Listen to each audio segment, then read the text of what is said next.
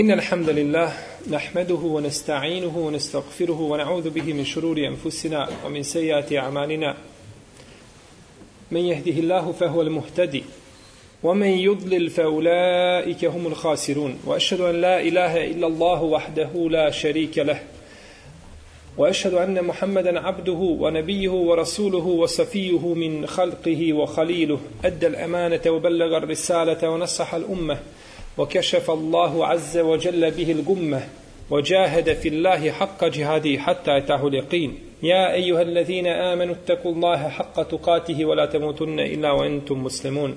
يا أيها الناس اتقوا ربكم الذي خلقكم من نفس واحدة وخلق منها زوجها وبث منهما رجالا كثيرا ونساء واتقوا الله الذي تساءلون به والأرحام إن الله كان عليكم رقيبا. يا أيها الذين آمنوا اتقوا الله وقولوا قولا سديدا. يصلح لكم أعمالكم ويغفر لكم ذنوبكم. ومن يطع الله ورسوله فقد فاز فوزا عظيما. أما بعد فإن أحسن الكلام كلام الله وخير الهدي هدي محمد صلى الله عليه وسلم وشر الأمور محدثاتها وكل محدثة بدعة وكل بدعة ضلالة wa kulle dalaletin finnar. Mi smo spominjali prethodne večeri da je uzvišeni Allah Tebarek je Teala ta'ala odlikovao jedne ljude na drugima pa smo spominjali te odlike od običnih ljudi do poslanika do najodabranijeg poslanika Muhammeda sallallahu alaihi wa alihi wa sallam a nema sumnje da je jedna od odlikovanih skupina čak najbolja skupina nakon poslanika i vjerovjesnika i ashaba poslanika sallallahu alaihi wasallam da su to učeni ljudi. Jer su učeni ljudi kako navodi hadis koga bilježi Ibn Hibban i neki sabirači sunena sa dobrim lancem prenosilaca da su oni nasljednici Allahovih poslanika jer su naslijedili znači najveće bogatstvo koje su nosili Allahovi poslanici, a to je šarijatsko znanje i vjersko znanje. I zato je najbolji i najčasniji posao koji čovjek može obavljati na zemlji jeste da bude onaj koji poziva Allah. Da poziva Allah. Omen ahsenu qawlem mimmen da'a in Allah. A ko ljepše? Pogledajte kako je došao, u kojoj formi došao ajet. A ko to ljepše? Znači, nema nikoga ko ljepše govori od onoga koji poziva Allah. Pa je tako Allah te barak je oteala odlikovao učene ljude nad običnim svijetom. Odlikovao je Allah azzeođele učenog nad pobožnjakom. Pa je učenom bitan kvalitet, a pobožnjaku kvantitet. Njemu je bitno da kaže, klanjao sam u Lejletul Kadr 300 rekiata. Bitan je broj. A učeni kaže, klanjao sam dva rekiata. Ali dva rekiata. Pa znači gleda kakav je kvalitet. Pa je zato najbolje biti učenjak i pobožnjak. Spojiti dvije stvari. Kažemo, odabir ove skupine je sigurno sa ciljem. Jer se bez učenih ljudi ne može sprovesti šarijatu praksu. Jer moraju biti oni koji će govoriti ljudima šta je to vjera, tumačiti im vjerske propise na ispravan način. Jer su učeni nasljednici poslanika i oni su Allahovi namjesnici na zemlji u smislu da oni potpisuju za Allaha. Zato je šehol Islam ibn Kajim napisao dijelo koje je nazvao A'lamul muveqi'in ar-rabbil alamin. Oni koji potpisuju u ime Allaha. Učenjaci. Jer on kaže, takav i takav je Allahov propis. Allah je tim propisom ili tim ajetom htio i to i to. I poslanik sallallahu sallam je tim hadisom htio to i to. Čovjek se vjenča sa ženom pa učini nešto pa kaže, vaša bračna veza nije validna, nije valjala pa rastavi muža i ženu. Pa onak je prekine ugovor, kupo prodaja i slično tome. Kažu čovjeku ti si griješan, moraš te obu tražiti. Kaže drugom tebe, njega treba zbog tog postupka ubiti i slično tome sudi među ljudima. Pa zbog toga sigurno njegovo mjesto biva i njegova uloga u društvu biva velika. I biva shodna poslu koga čini. Uzvišeni Allah te barak je otala je, draga moja braćo, počastio ovaj umet učenjacima i ulemom kakvi nisu bili poznati drugim umetima. Ni približni, ni slični njima. U drugim umetima je bila rijetkost da bude čovjek učen na način kako su to bili naši učenjaci. Počevši od ashaba, tabina i generacija nakon njih. Ono na čemu su se islamski učenjaci složili od prvih do posljednjih i umet se složio, to je ispravnost i priznavanje i poštovanje i uvažavanje i cijenjenje imama četiri poznata mezheba. Da su to bili jedni od najučenijih ljudi ovoga ummeta. Dokaz tome jeste to što je Allah te barak je od tada sačuvao njihov fiqh i njihov govor i omogućio učenike koji su prenosili njihove mezhebe ili njihove stavove. Jedan od tih učenjaka koji je ušao u istoriju Islama i zapisan na svijetlim star, stranicama islamske povijesti je imam za koga kažu huval imamu haqqan šejhul islami sidqan. Imamul fuqahai wal muhaddithin an nasiru lid din Ebu Abdillah. Ahmed ibn Muhammed ibn Hanbel ibn Hilal ibn Esed ibn Idris ibn Abdillah ibn Hayyan ibn Abdillah. Ibnu Enes, Ibnu Auf, Ibnu Mazin, Ibnu Ukebe, Ibnu Ali, Ibnu Bekr, Ibnu Wail, El Zuheli, El Šejbani, El Merwazi, El Bagdadi. Ovo je puno ime imama Ahmeda ibn Hanbala, rahimehullahu ta'ala, tajjebe thara. Imam koji je ušao u istoriju Islama i koga je Islam zabilježio po svakom hajru i po svakom dobru. Imam koji je bio pomoćnik i koji je bio taj koji je branio akaj ehlu sunnata wal džemata od svih iskrivljenih sekti koji su bile u to vrijeme. Rođen je rahimehullahu ta'ala 164. hiđanske godine u mjesecu Rabiju Lavolu. Njegov otac Muhammed ibn Hanbel je umro mlad.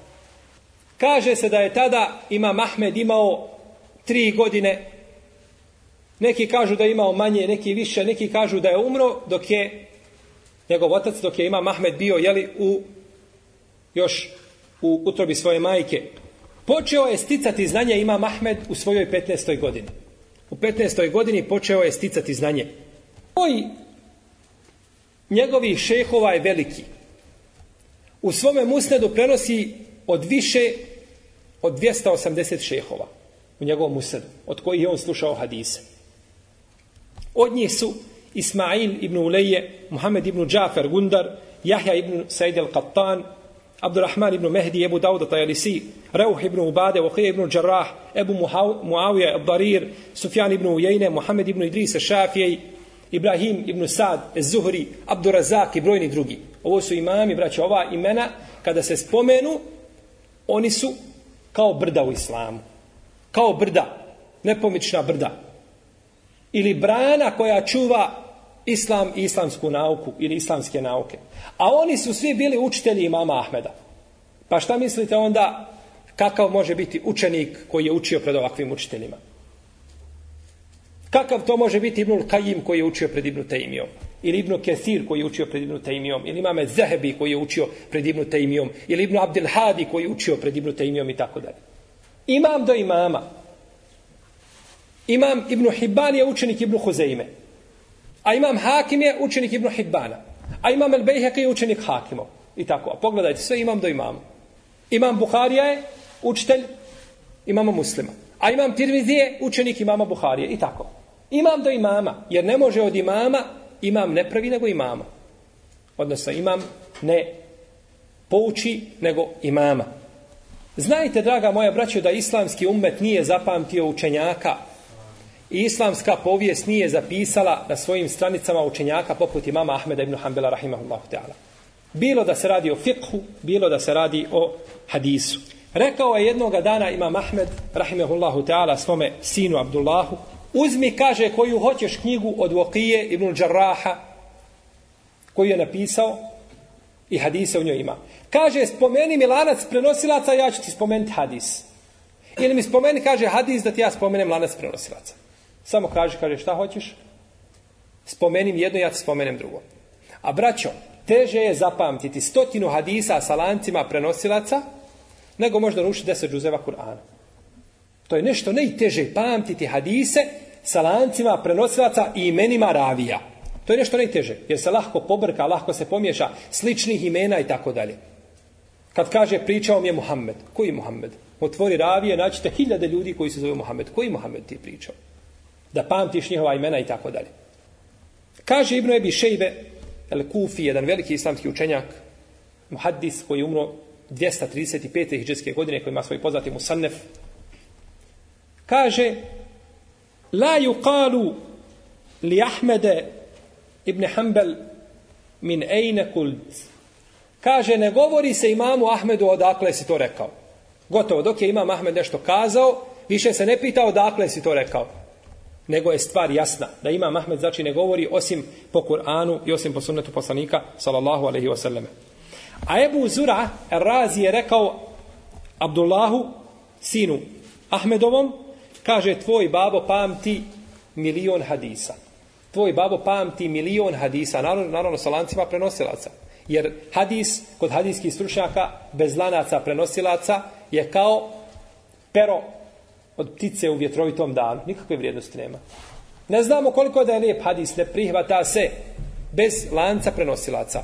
Lanac prenosilaca je znači sastavni dio dina i sastavni dio i sastavni dio vjere. Kaže Ibrahim El Harbi, vidio sam, kaže imama Ahmeda, kaže kao da je sakupio znanje svih prvih i posljednjih koji su došli na zemlju.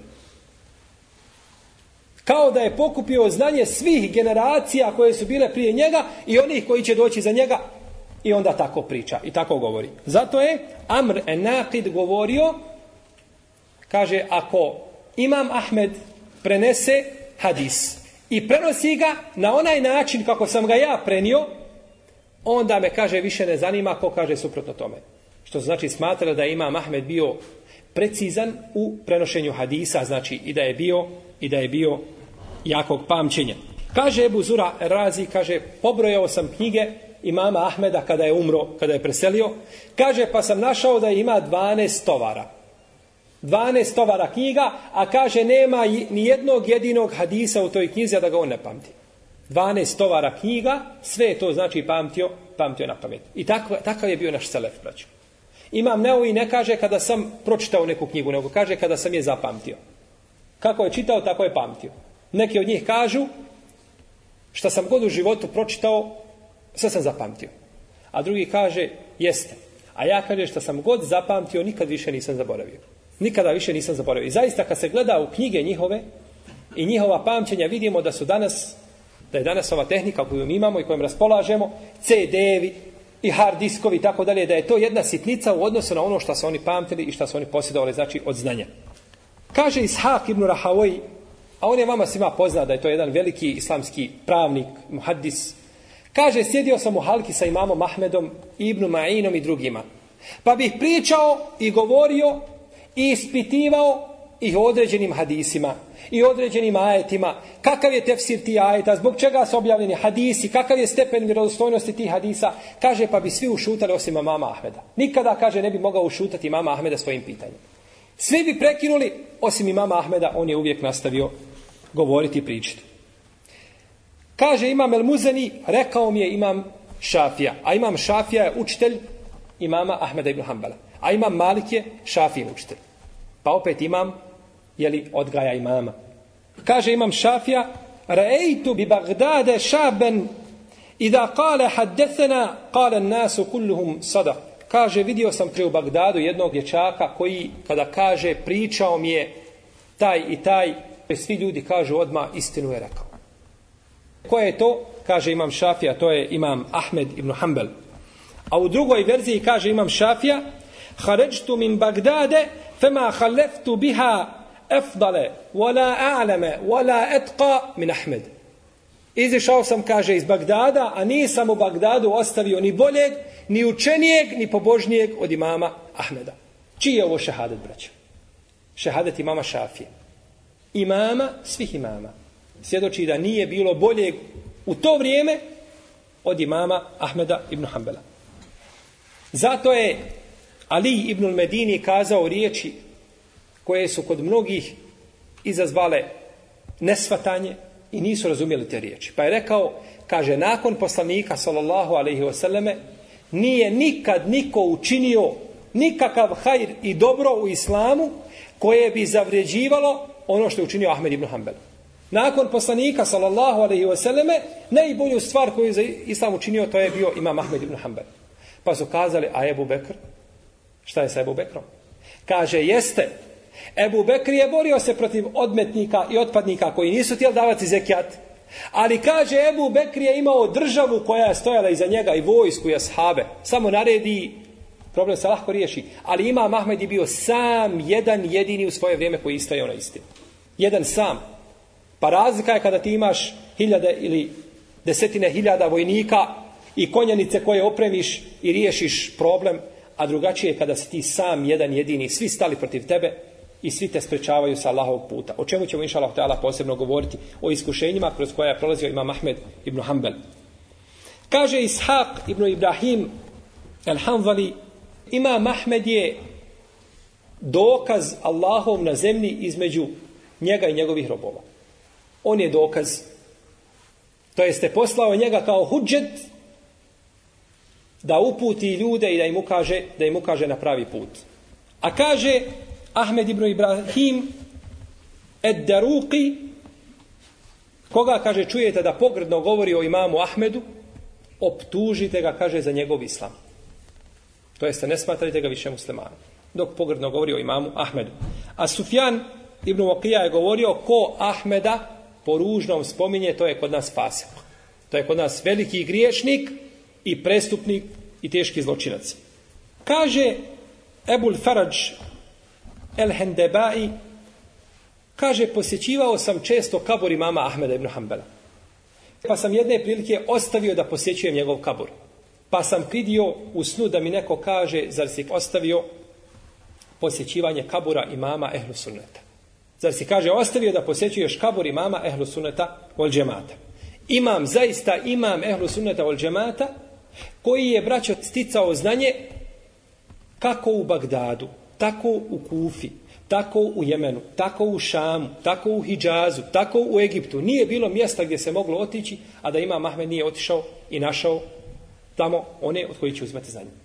I to je jedna velika blagodat čovjeka da uzima znanje od brojnih učitelja iz različitih oblasti i različitih mjesta. Jer čovjek ne može znati grešku svoga učitelja i svoga profesora i svoga šeha dok ne čuje od drugoga. Kad tek čuje od drugoga onda može znati gdje je njegov profesor koji mu je govorio pogrešio. Pa ima Mahmed tako sakupio znanje sa svih tadašnjih znači ovaj mjesta ili oblasti koje su bile poznate jeli, u islamu i u kojima su boravili jeli, islamski učenjaci. Kaže Ebul Qasim el Hubuli, kaže, mnogi ljudi smatraju, ima Mahmed kada govori, da su pred njega knjige otvorene i da priča. Da ima knjige otvorene da govori da nikako, znači ne govori iz svoga pamćenja. A neki su smatrali da ima Mahmed, braćo, nikako nije od ljudske vrste. Da ne pripada ovoj ljudskoj vrsti, nego da je on melek. Dotle su išli, kažu, to ne može biti čovjek nikako, ne može čovjek tako nešto posjedati od znanja, od ahlaka, od ibadeta i tako dalje, pa kažu, nije on nikako od ljudske vrste. No međutim, ima Ahmed, kao i brojni drugi učenjaci, prolazili su kroz velika iskušenja na svome putu, na putu širenja Islama, na putu širenja ove vjere. Pa se pri kraju vremena ashaba pojavilo nekoliko iskrivljenih sekti kao kaderije i kao muatezile koji se pojavili u Basri i džehmije, muđesime i brojni drugi koji su se znači pojavili u to, u to vrijeme. Kada je došao na vlast halifa El Me'mun, jedan islamski vladar, sjedio je puno sa muatezilama, jednom iskrivljenom sektom koja nema ispravna kajd, Pa su mu predstavili jedan pogrešan segment vjerovanja, a to je da je Kur'an stvoren. Da Kur'an nije Allahova riječ, već da je Kur'an stvoren. Pa je nasjeo na njihove podvale i na ono što su mu servirali, pa je počeo da proganja u lemu. Da proganja u lemu one koji su govorili da je Kur'an Allahova riječ i da Allah govori, da je to Allahov govor, a da nije, a da nije stvoren. Kada je čuo za imama Ahmeda, naredio je da mu ga dovedu zavezana. Da ga svežu i da mu ga dovedu. Kada su poveli imama Ahmeda, sreli su u putu Ebu Džafera Elembarija. Pa je rekao imamu Ahmedu. Kaže, o imamu, ti si, kaže, danas imam svih muslimana. Ljudi gledaju u tebe. Ako se ti odazoveš ljudima, i ljudi će se odazvati. Ako ti kažeš da je Kur'an stvoren, i ljudi će reći da je Kur'an stvoren. A kada kažu da je Kur'an stvoren, izgubili su svoja kajd. Pa nemoj se, kaže, odazvati. O, kaže Ahmedu, tebi je umrijeti. I ovako i onako. Odazvao se li se ne odazvao? Ti ćeš umrijeti. Pa kaže, umri onda bar časno. Pa ima Ahmed zaplakao i rekao, o, Džafer, kaže, ponovi mi te, to kaže još jedan put što si rekao. Pa je govorio ima Ahmed, tako mi Allaha, kaže, sabbereni hada ređul. Kaže, ovaj me je čovjek pomogao i on mi je, kaže, on me učvrstio. I ukazao mi je da trebam biti saburli i da trebam istrajati, znači, na ome, na ome putu. Kada su došli do dvorca halife Muna, izišao je sluga njegov i kazao imamu Ahmedu šta mu se priprema. Pa imam Ahmed cišao sa konja i digao svoje ruke Allahu te barake od tale rekao gospodaru moj nemoj me spojiti sa njim. Nemoj me spojiti sa tim čovjekom. Pa nije prošlo malo vremena već je od ozga neko naricao za Me'munom da je umro. Pa nije Allah te barak je otala dao da ga nikako vidi. Nije dao nikako, nije dozvolio da ga ikako vidi. No međutim, to nije spriječilo nepravednike da strpaju najboljeg Allahovog groba u to vrijeme, a Allah najbolje zna u zatvor. Pa su ga strpali u zatvor i slali mu svaki dan Ibnu Ebi Duvada, slali su mu Ahmeda, Ibnu Ahmeda, Ibnu Rawaha, Ibn Rabaha, oprostite, i Ebu Šuajba el Hadžama i druge da sa njim raspravljaju, da ga pokušaju ubijediti kako je Kur'an kako je Kur'an stvoren. Pa je rekao jednom od njih, šta kažeš o Allahovom znanju? Kad kažeš da je Allahova riječ stvorena, šta kažeš o Allahovom znanju? Kaže stvoreno. Kaže imam Mahmed, ti si kafir, ti si nevjernik. Nema šta s tobom razgovarati, ti si nevjernik. Ja s tobom moram razgovarati o postojanju Allahovom te barek, da te ubijedim da budeš musliman. Jer onaj ko kaže da je Allah, da je njegovo znanje stvoreno, taj je nevjernik. Zašto? Znači da nekada davno Allah nije imao znanja, pa je stvoreno. Znači nekada je davno Allah te barak je ta'ala te'ala, ajadan billah, min hadal qaul, bio šta? Neznalica, pa stvorio znanje. A oni kažu Allahovo znanje je stvoreno. Koristeći opće značenje nekih ajeta, kao, na primjer, riječi Allaha te barak je ta'ala kada kaže Inna ja'alnahu Kur'anen arabijen. I mi smo ga učinili Kur'ane na arabijen, Kur'an na arapskom jeziku. Kaže, vidite, mi ga učini smo, učiniti je stvoriti. Vidite da smo ga mi stvorili, da kaže Allah te barak, da ga je stvorio. A džal u arapskom jeziku nije stvaranje, nego je uzimanje iz jednog svojstva, stavljanje nečega u drugo svojstvo. A nije u osnovi stvaranje. Pa im je Imam Ahmed odgovarao, ajetom u kome Allah te barak je kaže, fe džalnahum ke asfin kul. I mi ih učini smo kao lišće isprobijano. Učini smo, znači stvori smo, one kad su pošle da unište kjabu ili tako, kad ih je Allah te barek dala kaznio, jer znači da ih je stvorio takve, ne znači, već znači učinio, ovdje znači ne znači nikako, ne znači nikako stvarao. Kaže ima Mahmed, nekoliko puta mi je, kaže, dolazila nesvjestica od mučenja. Kaže, kada me muče, one svijestio bi se. Pa kada bi se probudio, opet bi mi doveli onu dvojicu ili trojicu da sa mnom raspravljaju, da me pokušaju ubijeti, znači da je Kur'an stvore. Pa je nakon ovoga halife Al-Me'muna došao halifa Al-Mu'tesim, koji je nasledio ideju svoga prethodnika. Pa je ostavio imama Ahmeda u zatvor i naredio je da se bičuje i tako dalje. Pa jedne prilike kaže, vidio sam ga, kaže da je izišao na sunce i rekao, kaže, ja sam veliki grijeh počinio pogled ovoga čovjeka, pogled imama Ahmeda. A tu je bio pored njega Ibn Abi Duad. Pa kaže, o halifa pravovjernih, on je, kaže, nevjernik, njegova krv je halal, tako treba sa njim postupati. Kaže, do ga nije odvratio od onoga što je htio da učini. A kada je htio je da me pusti, da me ne dira više. Pa ga je taj novotar, muatezirski, zavodio i govorio mu, dok nije ponovo, znači, halifa ustrajao, znači, u onome što je prije toga činio. Kada su izgubili nadu da će Imam Ahmed potvrditi njihovo mišljenje o stvaranju Kur'ana, kazali su mu, hoćeš li nam nešto zapisati, da ti mi diktiramo, ti zapiši. Kaže, hoću. Kaže, zapiši prvo, Allah je od uvijek i za uvijek. Kaže, pa sam zapisao, Allah je od uvijek i za uvijek. Kaže, zapiši, Allah je sve stvorio. Kaže, pa sam zapisao, Allah je sve stvorio. Kaže, zapiši, treću stvar, slobodan si. Allah je gospodar Kur'ana. Kaže, pa sam bacio ovu. Kaže, vallahi, te neću nikada zapisati. Jer kad kaže Allah je gospodar Kur'ana, znači šta? Da je? Da je stvorio Kur'an. Pa su htjeli da mu priđu šta sa jedni drugi vrata, da ljudima pokažu, pogledajte da ima Mahmed svojom rukom, njegov rukopis da je napisao da je šta? Allah gospodar Kur'ana. A kad se kaže da je Allah gospodar Kur'ana, Allah je gospodar onoga što je stvorio. Ne kaže se Allah je gospodar samoga sebe. I da Allah je gospodar svoga znanja. Tako? To je neispravno kazati. Tako se ne može govoriti. Allah je savršen i njegova imena i njegova svojstva nemaju potrebe za gospodarom. On je gospodar. A ne može njemu niko biti gospodar. Jer novotari kada prilaze muslimanima kažu kažu, je li Allah sve moguć? Musliman, kao musliman po svojoj prirodi, kaže, jeste, Allah je sve moguć. Kažu u redu, može li Allah stvoriti još jednog Allaha kao što je on?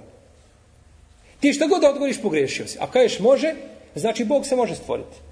A ako kažeš ne može, znači Allah nije sve moguće. Šta ćeš odgovoriti? Mi kažemo, ne može se odgovarati na pogrešno pitanje. Ti moraš postaviti ispravno pitanje da bi odgovor. A na pogrešno pitanje nema odgovora. Ti postaviš pogrešno pitanje, hoćeš ispravno odgovor. Na ispravno pitanje se dobija ispravno odgovor. A na pogrešno pitanje nema potrebe da dajem odgovor, jer to mene ne zanima. Pa kažemo na takvo pitanje se ne može uopće davati odgovor. Jer je ono u svojoj biti pogrešno. Pa je kaže, pa sam bacio olovku i nisam htio to zapisati. Rekao je imamu Ahmedu, etufawi, pa dobro kaže, što im se ne odazoveš? Što više kaže, ne pristaneš na ono što traže. Da pristanem na ono što traže, bio bi nevjernik, kaže. Braćo, sva druga ulema se odazvala njima. Ne odazvala, nego morala se odazvati pod pritiscima i mučenjima koja su trpili, odazvali se pa kazali, jeste Kur'an stvoren. No međutim, Imam Mahmed je smatrao to nevjerstvom i kufrom i smatrao je da bi time odveo muslimanske mase u zabludu i da bi znači iskrivio akajde ahlusuneta ol džemata pa im se nije, nije im se odazvao.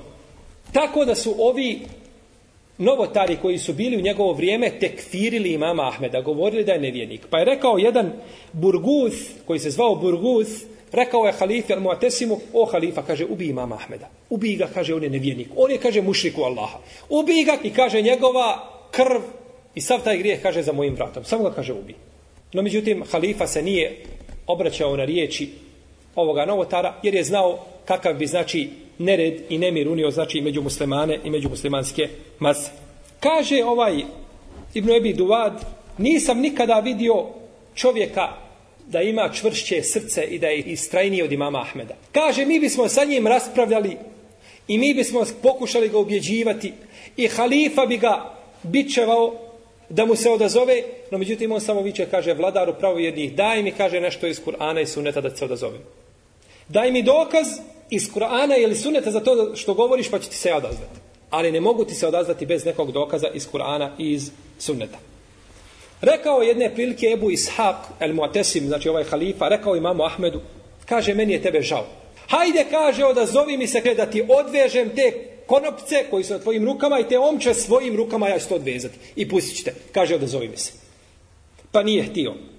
Pa je rekao ovaj halifa, kaže, kamo sreće da te ja nikada u životu nisam vidio. Pogledajte, braći, jedan čovjek kakve muke može zadavati vladaru islamske države. Koji je pod njegovim emrom, može raditi njegovom kontrolom, može ga ubiti, može ga objesiti. Može... No međutim, kada Allah te barak je otala učvrsti roba na pravom putu, tada ni vojske, ni sile, ni dunjaluk cijeli mu ne može ništa. Pa na kraju ovaj halifa mu rekao, Allah te prokleo, o Ahmed. Allah te prokleo, kaže, ja sam bio ubijeđen kaj da ćeš ti se mene odazvati. Pa ga je opet naredio da ga zatvore i da mu još više znači njegove stegnu omče oko njegovih ruku. Pa su ga jednog dana izveli pa ga bičevali. Kada su ga bičevali, kažu ljudi koji su bili prisutni, kako spominje imam Zehebi u Sijeru, pukao je ovaj kajiš ili znači ono što je držalo odjeću imama Ahmeda. Kaže, pa smo pomislili, kaže, gotovo je. Sad će, kaže, da spadne sa njega njegova odjeća.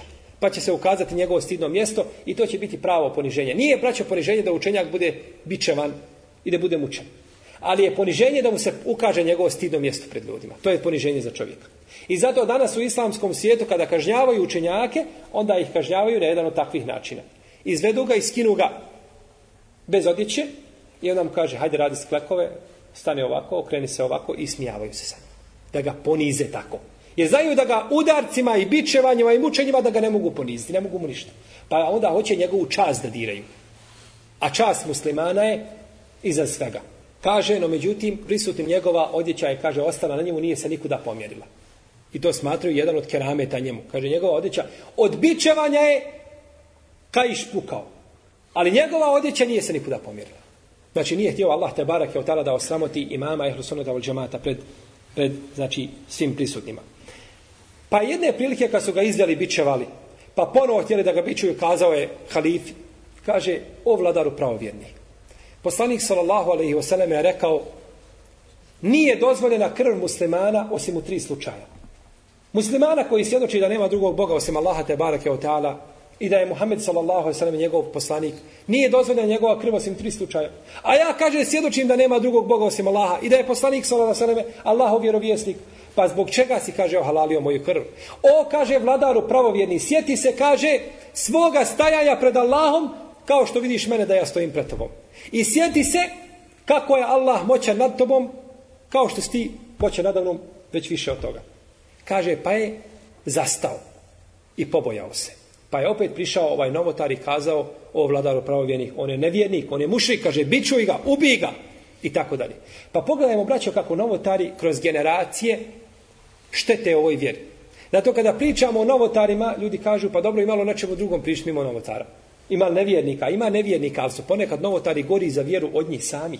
Jer oni poznaju vjeru i poznaju šta je istina i onda se na jedan veoma lukav način bore, znači i podao način bore jeli protiv vjere. Nakon halife al-Muatesima došao je njegov sin al-Wathiq, no međutim nije on puno bio bolji od svoga babe. Pa tako fitneti kada nastupe u umetu, oni su kao morski valovi. Nikada ne prestaju, nego samo znači jedan iza drugoga. Nepravednik je vlalim, nasljeđuje vlalima. Ili bar da bude nepravednik u jednom segmentu ili u nekoj stvari. Pa je tako zabranio imamu Ahmedu i rekao mu nemoj se pojavljivati. Nije ga zatvorio, ali rekao nemoj se pojavljivati nigdje na moje oči i kaže ne smiješ nikome ništa govoriti. A učenom čovjeku kada se kaže da ne smije govoriti o vjeri, narod što imamu poput Ahmeda ibn Hanbala, onda je bolje da ga ubiješ. To je gore nego on je živ, a nije živ. Onda ga bar ubi. Ili ga ubije ili ga pusti da živi. A njegov život je u tome da govori o Allahu i Tebarak je o tala vjeri. Pa ima Mahmed bio prinuđen da se izolira jedno vrijeme i nije mogao znači govoriti o vjeri. Kazali smo da je halifa družio se sa muatezilama, pa je prihvatio njihova pokvarena mišljenja, čitajući neke filozofske knjige sa grčkog jezika, zadivila ga je ta muatezilska ideja o stvaranju Kur'ana pa je to prihvatio. Pa je onda nakon toga prisiljavao islamske učinjake da govore ono što je on zastupao. Prvi ko je stao uz halifu ili ko je halifu nagovorio na ovo mišljenje jeste bio, bio je Ahmed ibn Ebi Duad. Pojava ili ideja o stvaranju Kur'ana se nije pojavila u ovo vrijeme. Ona se je pojavila prije toga. Prije toga je Džad ibn Dirhem je govorio da je Kur'an stvoren. U vrijeme halife Hišama ibn Abdel Melika. On je prvi ko je kazao da je Kur'an stvoren. Pa je Hišam ibn Abdel Melik Jazahullahu hajra o tajjebe tharah naredio svome namjesniku Halidu el Kasriju da ga ubije. Pa je Halid el Kasri izišao na Bajram okupio ljude, klanjao im namaz, zatim držao hutbu i kazao na kraju hutbe ljudi da Allah Đelešanu primi vaše udhije i vaše kurbane, a ja ću danas kao kurban prinijeti džada ibn Dirhema. Pa je sišao sa mimbara i zaklao ga pod mimbarom odsekao mu glavu pod mimberom. Pa je sva ulema u to vrijeme bila zahvalna i Halidu al-Kasriju i Hišamu ibn Abdul Meliku što su ubili ovoga fasika i fađira koji je ljude navodio da govore o Allahovi vjeri ono što ne zna ili je govorio bez dokaza i htio izmijeniti Allahu te barake o teala vjeru. Pa je tu ovaj bidat i ova novotarija koja se pojavila u ovo vrijeme bila sasječena u korijenu, u bešici. Nije pomirila nikuda. No međutim, najveći je problem kad se jedan bidat pojavi. On više nema svoga kraja. On izgubi korijenje, ali ostanu one klice. To se je čulo da je bio jedan pokvarenja koji je govorio kako je Kur'an stvoren. Pa je nakon toga Ahmed ibn Abi Duad naslijedio svoga prethodnika, njima od Allaha ono što su zaslužili, pa je govorio da je Kur'an stvoren. No međutim, uzvišeni Allah te barak je otala htio da pokaže ibret ljudima, pa je ovaj Ahmed ibn Abiduad koji je stojao pored halife Muna, dok su bičevali imama Ahmeda, govorio žešće, jače, on je kafir, on je nevjernik, njegova krv je halal i tako dalje. Pa ga je Allah te barak je otala iskušao, kada je došao halifa al-Mutawakil, da mu je uzeo sav njegov imetak i sve što je uzeo od Bejtul Mala i sve vratio u državnu kasu, i razbolio se takvom bolešću da su ljudi dolazili da ga obilaze kao ibret i kao pouka, da uzmeju pouku iz njegove bolesti. Kako ga je uzvišen Allah te barak tala iskušao? Jer je on radio, znači, protiv Allahu i Evlija između ostalih imama Ahmeda. Zbog čega da ima Ahmed bude u zatvoru? Zbog čega da bude zatvoren? Zbog čega da ima Ahmed bude udaran? Najbolji čovjek koji je u to vrijeme bio, bio je zatvoren 28 mjeseci, bio je udaran, bio je proganjan, da ga prisile znači da govore o Allahu i Đelšanu vjeri i da je znači nakaradno tumači. Halifa Mun bi stojao pored onoga džellada, to je onaj što udara. I govorio bi mu, kaže, uštud jedek, kata Allahu jedek. Žešće stisni tu taj prut ili taj bić, Allah ti ruku osjekao. Jače ga udri. Pa bi tu kao i mama Ahmeda. A vi kao bi mu u to vrijeme, halifa, odazovi mi se, reci ovo što ti ja govorim, reci da je Kur'an stvoren. Samo da ljudi čuju da je Kur'an stvoren. A on bi samo vikao pod batinama i pod bićevima koje dobija, kaže daj mi nešto iz Kur'ana ili sunneta da ti odgovori. Daj mi dokaz iz Kur'ana i sunneta pa ću ti ja reći jeste tako je. Ali ti ja ne mogu kazati ono što nije u Kur'anu i ono što nije u sunnetu. Pa nije htio, pa nije htio pristati. Kaže mu halifa, reci da je Kur'an stvoren, kaže svojim ću ti rukama odvezati to čime su te zavezali. I ja ću te pustiti, svojim rukama ću to uraditi. Pa nije imam Ahmed htio znači da pristane i da prihvati to. Kada jedne prilike tako bićevan došao je Ebu Ubejd El Qasim ibn Selam. Poznati jedan islamski učenjak koji umro 224. hiđarske godine. Došao je na vrata dvorca i zavikao, povikao gromkim glasom.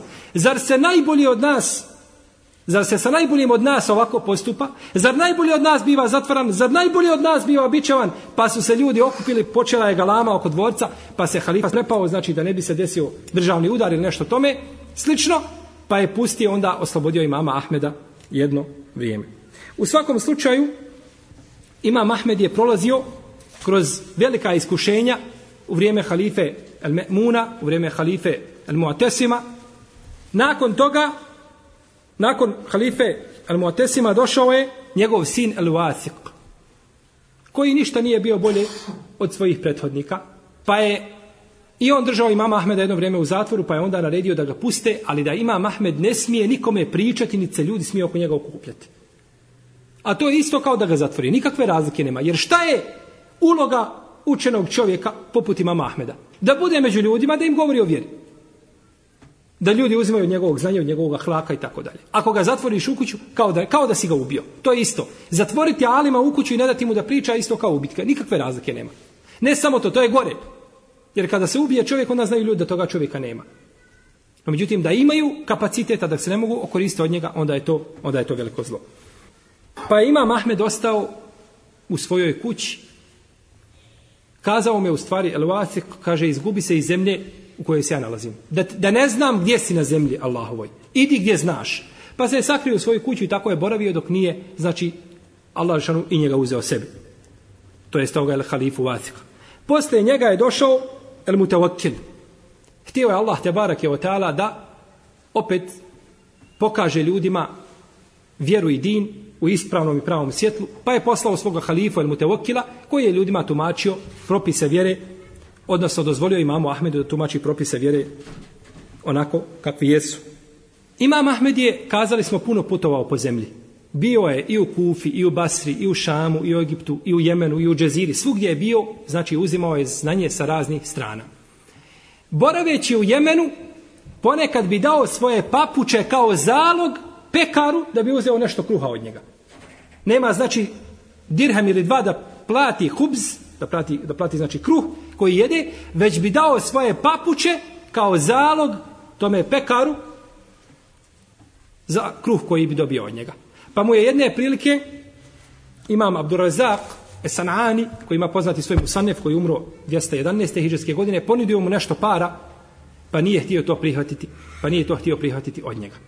Jedne prilike je klanjao kao, kao imam Abdurazaku, pa je pogriješio, imam Ahmed, pa je napravio grešku, pa je činio sehvi seždu i tako dalje, pa su pitali Abdurezaka, zbog čega imam pogriješio? Kaže, već tri dana nije ništa jeo. Tri dana nikako nije ništa jeo i nije htio znači tražiti ni od koga, nije ni od koga htio tražiti nikakvu pomoć. Jedne prilike prestao dolaziti na dersove od Ibnu Ujejine. Sufjan Ibnu Ujejine. Kod koga je učio. Pa kad su vidjeli da nema imama Ahmeda, otišli su da ga traže, pa su ga našli u jednoj pećini. I zatražili dozvolu da uđu. Možemo li ući? Kazao je, ne možete. Nakon izvestnog vremena opet su kazali, možemo li ući? Kaže, možete. Kada su ušli, vidjeli su da se je sakrio iza jedne stijene. Pa ga pitaju, šta ti je? Kaže, prije par dana mi je neko ukrao odjeću. Pa ne mogu izaći stijene nikuda. Iz pećine u stvari. Ne mogu napolje, nemam odjeće. Pa je otišao ovaj čovjek u svojoj i donio sto dirhema. Kaže, sto dirhema, pa kupi se odjeću. Pa je odbio. Kaže, dobro, nije hedija, nije poklon, već je dug. Kaže, neću. U redu, kaže, 20 hedije, kaže, neću. 20 duga, kaže, neću. Pa dobro, šta hoćeš? Kaže, jesi li ti sjedio sa mnom kod Ibnu Jeni i slušao hadise? Kaže, jesam. Koliko je zapamtio toga? Ništa. Kaže, daj mi, kaže, pero i daj mi list papira, pa ću ti ja napisati ono što sam ja čuo od hadisa, pa ćeš mi plati nešto, par dirhema ćeš mi dati da se kupim odjeću. Pa je tako uradio. Pa mu je napisao ono što je slušao, što je pamtio, pa mu je to prodao i nakon toga uzeo pare i kupio sebi odjeću. To je bio Imam Ahmed, rahimahullahu teala. Jedne prilike su došli od halife i donijeli imamu Ahmedu poklon. Hediju, nešto mu dirhema i dinara donijeli, pa je odbio da to primi. Pa su otišli sa druge strane kuće i dali to njegovom sinu Salehu. Njegovom sinu Salehu. Pa je nakon toga ima Mahmed otišao kod svoga komšije i pozajmio nešto brašna. Donio svojoj ženi, pa je zamijesila to i nakon kratkog vremena donijela imamu Ahmedu gotov kruh ili pogaču. Pa je kazao kako si to tako brzo uspjela. Samo sam ti donio to, furna nije upaljena, kako si to tako brzo uspjela? Kaže, ja sam, a on je između njegove sobe i sobe Saliha je, su bila jedna vrata izbijena. Pa se je moglo, znači, prolaziti iz kuće u kuću. Znači, oni su imali po jednu sobu. Kaže, ja sam, kaže, zamjesla tijesto i kaže, vidjela sam da je furna u Saleha već bila ugrijana, kaže, pa sam stavila njegovu furnu i kaže, tako se brzo ispio. Pa je odbio da to jede. Kaže, neće to jesti nikada zato što je on primio poklon od halife. U čemu je problem? Čovjek ima pravo da primi poklon od halife. Ima poklon da primi od židova ili od kršćana. Pro, od najveći Allahu i neprijatelja ima pravo da primi poklon. Ako je poklon halal. No međutim on to nije htio znači prihvatiti, pa je nakon toga zazidao vrata između sebe i Saleha. Napravio pregradu i više se nije moglo prelaziti. Znači izolirao se od svoga sina zbog toga što je primio hediju. Iako je on uradio ispravno, mogao je primiti znači hediju, no međutim htio je da bude daleko od čega, od vladara. Jer kada je imam dobar sa vladarom, ili učenjak dobar sa vladarom, tu nema učenjaka. U većini slučajeva, ne mora znašti uvijek, ne mora znašti uvijek, nije ovo fiksno pravilo, ali u velikoj većini slučajeva taj učenjak ima veliki primjedbi i u svojoj akidi, i u svome fiku, i u svojim mnogim postupcima. Jer vladari neće uzeti učenjaka osim onoga koji će njemu klimati glavom i potvrđivati ono što on radi. Neće uzeti učenjaka koji će govoriti to ne malja, uradi ovako. To su radile nekad halife pravedne koji ih danas više nema. Ima Mahmed je bio taj koji je najviše opraštao narodu. Čak je oprostio i onima koji su ga najviše patili i mučili u zatvoru i bićevali. Došao jedne prilike kod njega Ishak ibn Ibrahim, pa mu je rekao, kaže, oprosti mi za ono što sam te bićao u zatvoru. Kada je došao halifa El Mutevokil, Tada imam Ahmed bio slobodan i tada su ljudi morali dolaziti imamu Ahmedu. Neki su mu govorili, sad ti je, kaže, vrijeme da se osvetiš. I Ishaku ibn Ibrahimu, i Ahmedu ibn Ebi Duadu, i svim drugima. Pa je kazao, onaj ko oprosti, to mu je bolje kod Allaha Đelešanu. Pa im se nije htio osvetiti. Kad je došao ovaj Ishak ibn Ibrahim da traži halala od imama Ahmeda, kazao je, svima sam, kaže, oprostio. Svima sam, kaže, oprostio koji su me bičevali i koji su me, znači, vezali i koji su me držali u zatvoru. Zato je, braćo moja, imam Ahmed sa istinom i sa pravom i sa hakom prozvan imam Ehlu Sunneta ul džemata. I tako su ga prozvali. Ibnu Kudame u svome dijelu Al-Mugni. Ibnu Hajar El Askalani u svome dijelu Fetul Bari. Ibnu Kajim u svome dijelu Tehdibu Sunen. Imam Ešaukjanu Nenu Ultaru. I brojni drugi učenjaci. Svi su ga nazvali da je imam Ehlu Sunneta ul džemata. Jer je on tada sačuvao akaid Ehlu Sunneta ul džemata. Kazali smo da je Islam sačuvan dva puta. U vrijeme Ebu Bekra i u vrijeme šehol Islama Ahmeda ibn Hanbala. No međutim, razlika je velika bila između njih dvojice, kako kaže Ibn Majin. Jer imam, Ahmed nije imao nikoga sa sobom, sam je bio. A, im, a Ebu Bekr je imao vojsku. Pa je Ebu, znači ovdje dijelo imama Ahmeda bilo veće nego dijelo Ebu Bekra, rahimallahu l-đemije. Ljudi su imali poseban respekt prema imamu Ahmedu. Kada bi se nalazili u njegovom društvu, ne bi sebi niko dozvolio da se smije. Da priča stvari koje nemaju veze sa dinom i sa vjerom i slično tome. Jedne je prilike su sjedili kod Ismaila ibn Ulejije. Pa su se neki počeli smijati. Pa su se razišli. Pa su narednog dana došli ti isti ljudi. Pa im je rekao Ismail ibn Ulejije, razljutio se i pocrvenio i kaže, subhanallah, vi se smijete, a kaže u našem društvu ima Mahmed. Što znači da nema imama Ahmeda, možemo se smijeti, možemo se ponekad i šaliti. Ali ako ima Ahmed, tu nema šale. Jer uloga i misija imama Ahmeda je dobro poznata ljudima. I nije sigurno, nije sigurno šala, izbijanje šale. Jedne prilike je došao, kako spominje Ibnul Kajim u svome dijelu, Tehzibu Sunan u petom tomu, na 145. stranici. Došao je, kaže, Seleme Ibnu Šebib kod imama Ahmeda i kazao mu, o Ebu Abdillah, Meni se kaže kod tebe sve sviđa. Nema ništa da mi se ne sviđa, osim jedne jedine stvari. Kaže, šta je to? Kaže, ne sviđa mi se tvoje mišljenje da čovjek može, kada ode na hađ, zanijeti hađ, pa onda preokrene taj nijet u umru. To je jedan poseban propis koji je vezan za hađ. Kaže, to mi se ne sviđa kod tebe.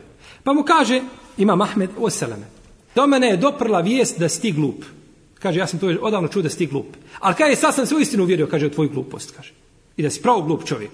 Kaže, ja imam skupinu hadisa poslanika, sallallahu alaihi sallam, vjerodostojnim putevima koji su došli do mene, da je on tako činio. I da je tako kazao da se može činiti. I sad kaže, da ja to ostavim, kaže, zbog tebe i zbog sličnih tebi, u istinu si ti glup čovjek. Ovo nam, braće, ukazuje koliko ima Mahmed bio privržen sunnetu. I da mu je osnovna stvar i glavni cilj bio šta sleđenje sunneta. I tako su svi imami govorili. I ono što smo gledali kroz istoriju, što se je moglo vidjeti, nažalost, u nekim mezhebima, da su bili učenjaci slijepo privrženi svome imamu i stavljali imama ispred Kur'ana i sunneta. Wallahi, svi su imami čisti od toga. Wallahi, svi. Sve jedan. Imam Ahmed, imam Šafija, imam Ebu Hanife. Od njega se navodi toliko predaja da kaže Ida sahal hadisu, fehuve medhebi. Ako dođe vjerodostojan hadis, to je moj mezheb. Tako imam šafija govorio. Kad vidite, kaže, moje mišljenje i vidite hadis i da se moje mišljenje kosi sa hadisom, znajte, kaže, da mi je otišla pamet. To jeste, nemojte uzmati moga. I tako su svi govorili. No, međutim, došli su ljudi, sledbenici, koji su smatrali da je mezheb osnova, pa sledili mezheb. A vidimo da imami tako nijedan nisu govorili. Nego su se svi pozivali nazad i vraćali na Kur'an i na sunnet rahimallahu džemije. Kada bi se pred imamom Ahmedom spomenula njegova žena koja je preselila, kazao bi da joj se Allah smiluje. Nikada, kaže, nisam vidio osobe kao što je bila ona. Govorili smo da je oženio onu pametniju, iako je bila šta? Čorava. Nije bila slepa, nego je bila, znači, nije vidjela u jedno oko. Ali je oženio pametniju. Kaže, nikada, kaže, nisam vidio bolje osobe od nje. Kaže, živio sam sa njom 20 godina, a oženio se u 40. godinama Mahmed. 20 godina, kaže, živio sa njom, nikada se, kaže, nismo sporili oko jedne jedine riječi. Nikada. Nikada se nismo sporili oko jedne jedine riječi. A ja kažem, nisam nikada vidio da je neko ovako nešto kazao kao ima Mahmed. Sjećam se neki od Selefa su govorili da je 20 godina bio sa ženom, da se samo jedan put sa njom ovaj, imao spor i tako dalje. Međutim, Imam Ahmed kaže, 20 godina oko riječi se jedne nismo spojili.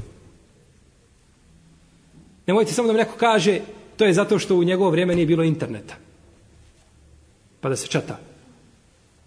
To je bio, braću, din i vjera. To je bilo sprovođenje dina i vjere u praksu.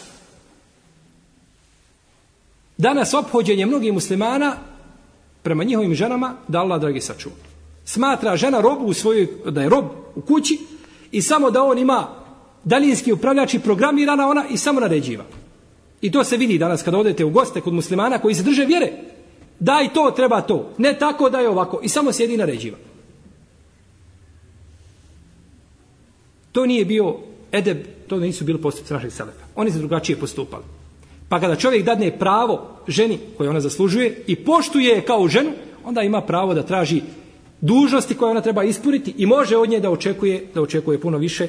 A to vidimo u primjeru imamu Ahmedu, rahimehullahu ta'ala. Kada bi imam Ahmed govorio i držao ljudima predavanja, njegova predavanja bi slušalo 5000 ljudi. A 500 od njih, znači jedna desetina bi pisali predavanja, koja govori zapisali bi, a ostali bi slušali, uzimali znači od njegovog ahlaka, od njegovog ponašanja i etike njegove, slušajući znači ono što ima Mahmed govori. Imam Ahmed je preselio u Bagdadu, gdje je rođen 241. hijđarske godine, umro je petkom. A poslanik sallallahu alejhi ve selleme je rekao u jednom dobrom hadisu: "Ma min muslimin yamutu yawm al-jum'ati aw laylat al-jum'a illa waqahu Allah fitnat al-qabr." Neće ni jedan musliman umrijeti petkom ili uoči, uoči petka, a da ga Allah te barak je otala neće sačuvati kaburskih fitneta iskušenja. Musliman.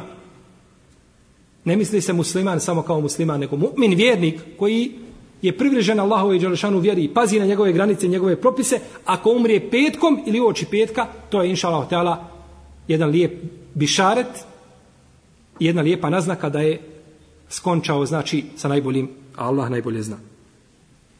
Njegovoj dženazi je prisustvovalo po jednom rivajetu, po jednoj verziji, milion i trista hiljada muslimana. Milion i 300 hiljada muslimana. Takva dženaza nije zapamćena nigdje na svijetu da je bila. Od prvih do posljednjih. Čak ni dženaza poslanika, sallallahu nije toliko ljudi pristalo. Jer nije bilo ashaba možda 120 i nešto hiljada. Milion i 300 hiljada, a po drugoj verziji milion. Ali niko nije spomenuo ispod miliona. Milion ljudi na njegovoj dženazi. I 60 hiljada žena. I 60 hiljada žena. Navodi se dosta u knjigama a, istorije da je toga dana kada ima Mahmed umro primilo 10.000, a po drugoj verziji 20.000 židova i kršćana skupa islama.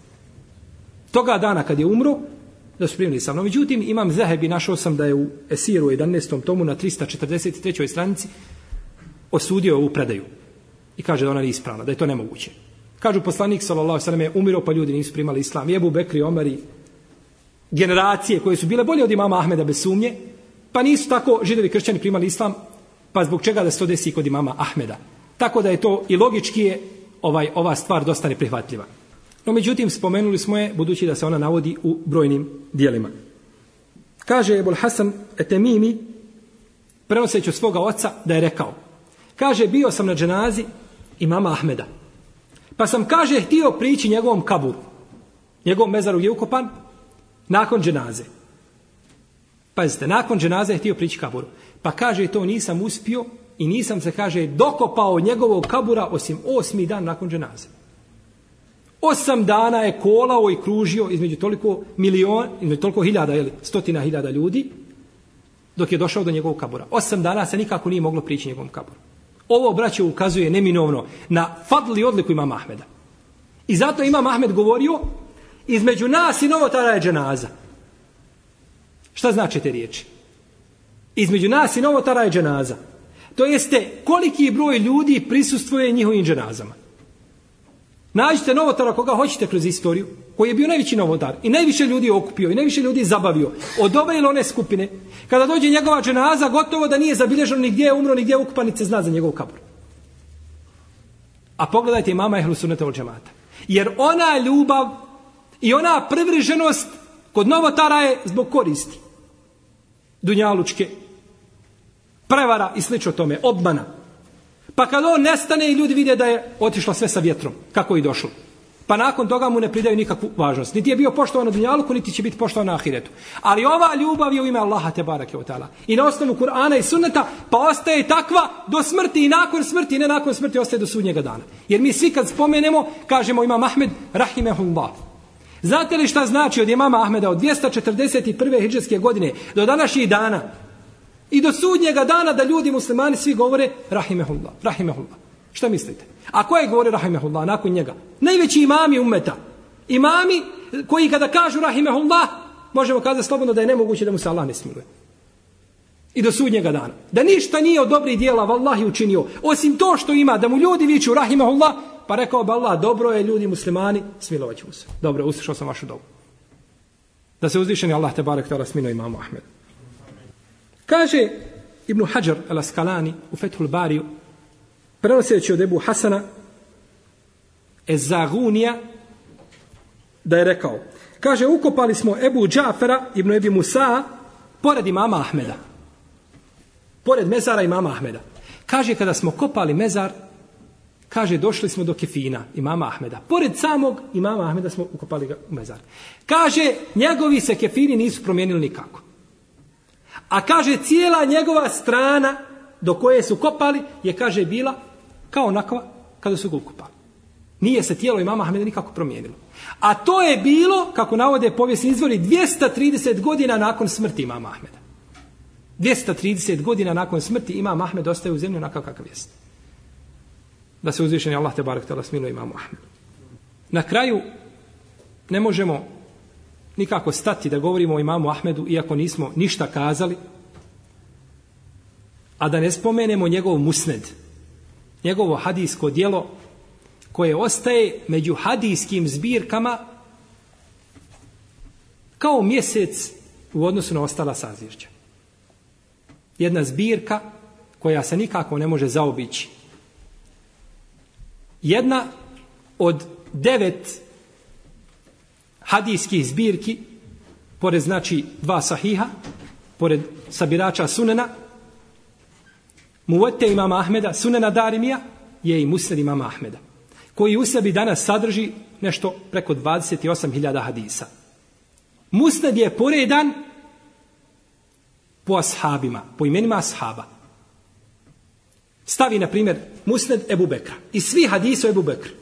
Pa jedan hadis može biti vezan o džihadu, može biti vezan o sadaki, može biti vezan o dobročinstvu. Nema, znači, nekakvog hronološkog poredka tih hadisa, nego samo spomenuti hadisi jedan po jedan. Pa je zato u musnedu jako teško tražiti hadis ako se ne koriste indeksi. Gotovo nemoguće. Možeš krenuti u musnedu Ebu Bekra i tražiti. Možda ćeš lako naći, zato što je musned Ebu Bekra mal. Nema puno hadisa.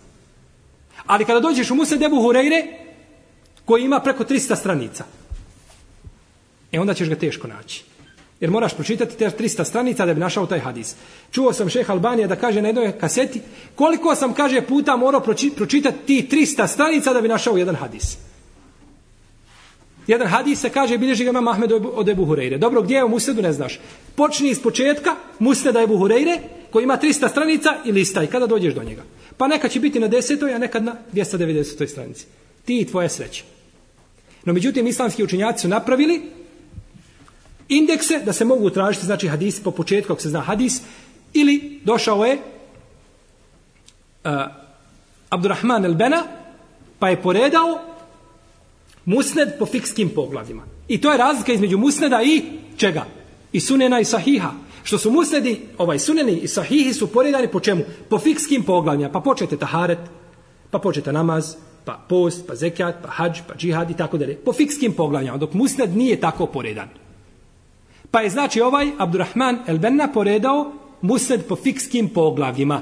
Pa je znači i tu olakšano znači traženje samih hadisa iz musneda imama Ahmeda. Musned je jako čista hadijska zbirka. Ima jako malo u odnosu procentualno, ima jako malo slabih hadisa. Možda jedan ili jedan i po, najviše dva posto da ima slabih hadisa. Dok recimo sunen Ibn Mađe, trećina tog suneta je slaba. A imate preko 40 lažnih hadisa u njemu. Ibn Dževzi kaže da ima 70. Šeh Albani kaže da ima 39. U sunenu Ibn Mađe. Pa je znači procentualno jedna trećina, 30% ili 33% znači te knjige je slaba. Dok Musad imama Ahmeda znači ima 1,5 ili 2% slabi hadisa. Neki učenjaci su kazali da ima i par lažnih hadisa kod Musada, u Musadu. Par lažnih hadisa. Radi se znači o 3, 4 ili 5 hadisa lažnih. No međutim imam Ibn Hajar al-Askalani, Ibn Hajar al-Askalani je napisao knjigu koju je nazvao El Kaulul Musaddad u kojoj je odgovorio i potvrdio da ti hadisi nisu od imama Ahmeda, već da su dodaci od drugih ravija. Pa to nije imam Ahmed stavio, već su stavili, znači to drugi, odgovarati svome šehu Hafizu ili Rakiju. Imam Ahmed je imao poseban respekt prema učenjacima hadisa. Jer je kružio po Dunjaluku, braćo, sakupljajući hadise poslanika, sallallahu alaihi wa alaihi wa sallam. I govorio je da je ona pobjedonosna skupina koja će biti, da su to ehlul hadis, da su to sledbenici hadisa. Učenjaci hadisa i oni koji slede, znači sunnet poslanika, sallallahu alaihi ve sallam. I to od njega spominje Ibn Hajar u Fethul Bariju, u 13. tomu na 293. stanci, i imame Nevovi u El Minhađu, u također u 13. tomu na 67. stranici. I brojni drugi. Ima Mahmed je svoj fiqh, i ovim će ovim šalatala završiti, gradio na jednom pravilu koje je neminovno spomenuti kad se govori o imamu Ahmedu. Pravilo na kome je građen hambelijski fiqh jeste teuqifun fil ibadat u afvun fil muamelat. Ovo je jedno pravilo koje ko svati, svati će mnoge stvari u svojoj vjeri. I mnoge mu stvari neće biti nejasne. Riješće ko sebe problem bidata s jedne strane i problem besvesa sa druge strane. Riješio je pola svojih problema. A to je pravilo koje glasi teuqifun fil ibadat. Zastajanje i nečinjenje ničega u ibadetima osim za ono za što postoji dokaz. Šta god čovjek hoće da učini od ibadeta, mora imati argument. Bilo kakav ibadet hoćeš da učiniš. Na ovakav ili onakav način moraš za njega imati dokaz iz Kur'ana ili sunneta. Ne vrijedi drugačije. Jer je neprikosnoveno pravo uzvišenog Allaha te barake od tela koje niko ne smije povrijediti jeste propisivanje vjere i dina i propisa i ibadeta. Jer se ibadeti čine Allahu Đelešanu. E te ibadete onda samo može propisati Allah za niko drugi. Jer su oni isključivo Allahu, nisu ljudima. Nema u ibadetu haka ljudi. Čovjek kada uđe u džamiju i klanja dva rekiata, tu nema pravo njegovom komšija u ta dva rekiata. To je moje i mome gospodaru samo nikome drugom. Dok drugi dio ovoga pravila kaže, a opraštanje i sloboda u muamelatima. Muamelati su trgovina, kupoprodaja, iznajmivanje poslovnih prostora, međusobna suradnja među ljudima i tako dalje. Tu je opraštanje. Tu možete sve raditi osim onoga za što postoji dokaz da se ne smije činiti. To je milost Allahova za Da je nama olakšao. Radite ljudi šta hoćete. Trgujte kako hoćete. Iznajmljivajte jedni drugima kako, surađivajte kako hoćete, sklapajte ugovore kako hoćete, ali nemojte jedan, dva, tri, pa je onda pojasnio koje su to vrste ugovora zabranjene, kakva je to trgovina zabranjena, šta je od ugovora zabranjeno i tako dalje. Pa ima Mahmed, znači, na ome fikskom pravilu izgradio svoj mezheb, iako on nije imao cilj graditi mezheb. Što znači? Da ne činiš od ibadeta ništa ono za što nemaš dokaza. To znači da nikad nećeš počiniti čega? Novotarije. Gotovo, riješio se problema novotarija i doćeš pred Allaha, nisi novotar. A kad dođeš pred Allaha da nisi novotar, ti si na velikom hajru, velikom dobru. Jer islamski učenja su govorili, očekujem da će Allah oprostiti najvećem nepokorniku koji čini najveće harame, ali ne očekujem da će Allah oprostiti kad novotar. Jer novotar mijenja Allahu vjeru, dok to ne čini onaj koji čini nepokornost. On zna da čini nepokornost, a novotar smatra da je novotarija vjera. A s druge strane, opraštanje i sloboda u ovim drugim, što mi kažemo, više dunjalučkim stvarima, iako je to sve vezano za vjeru.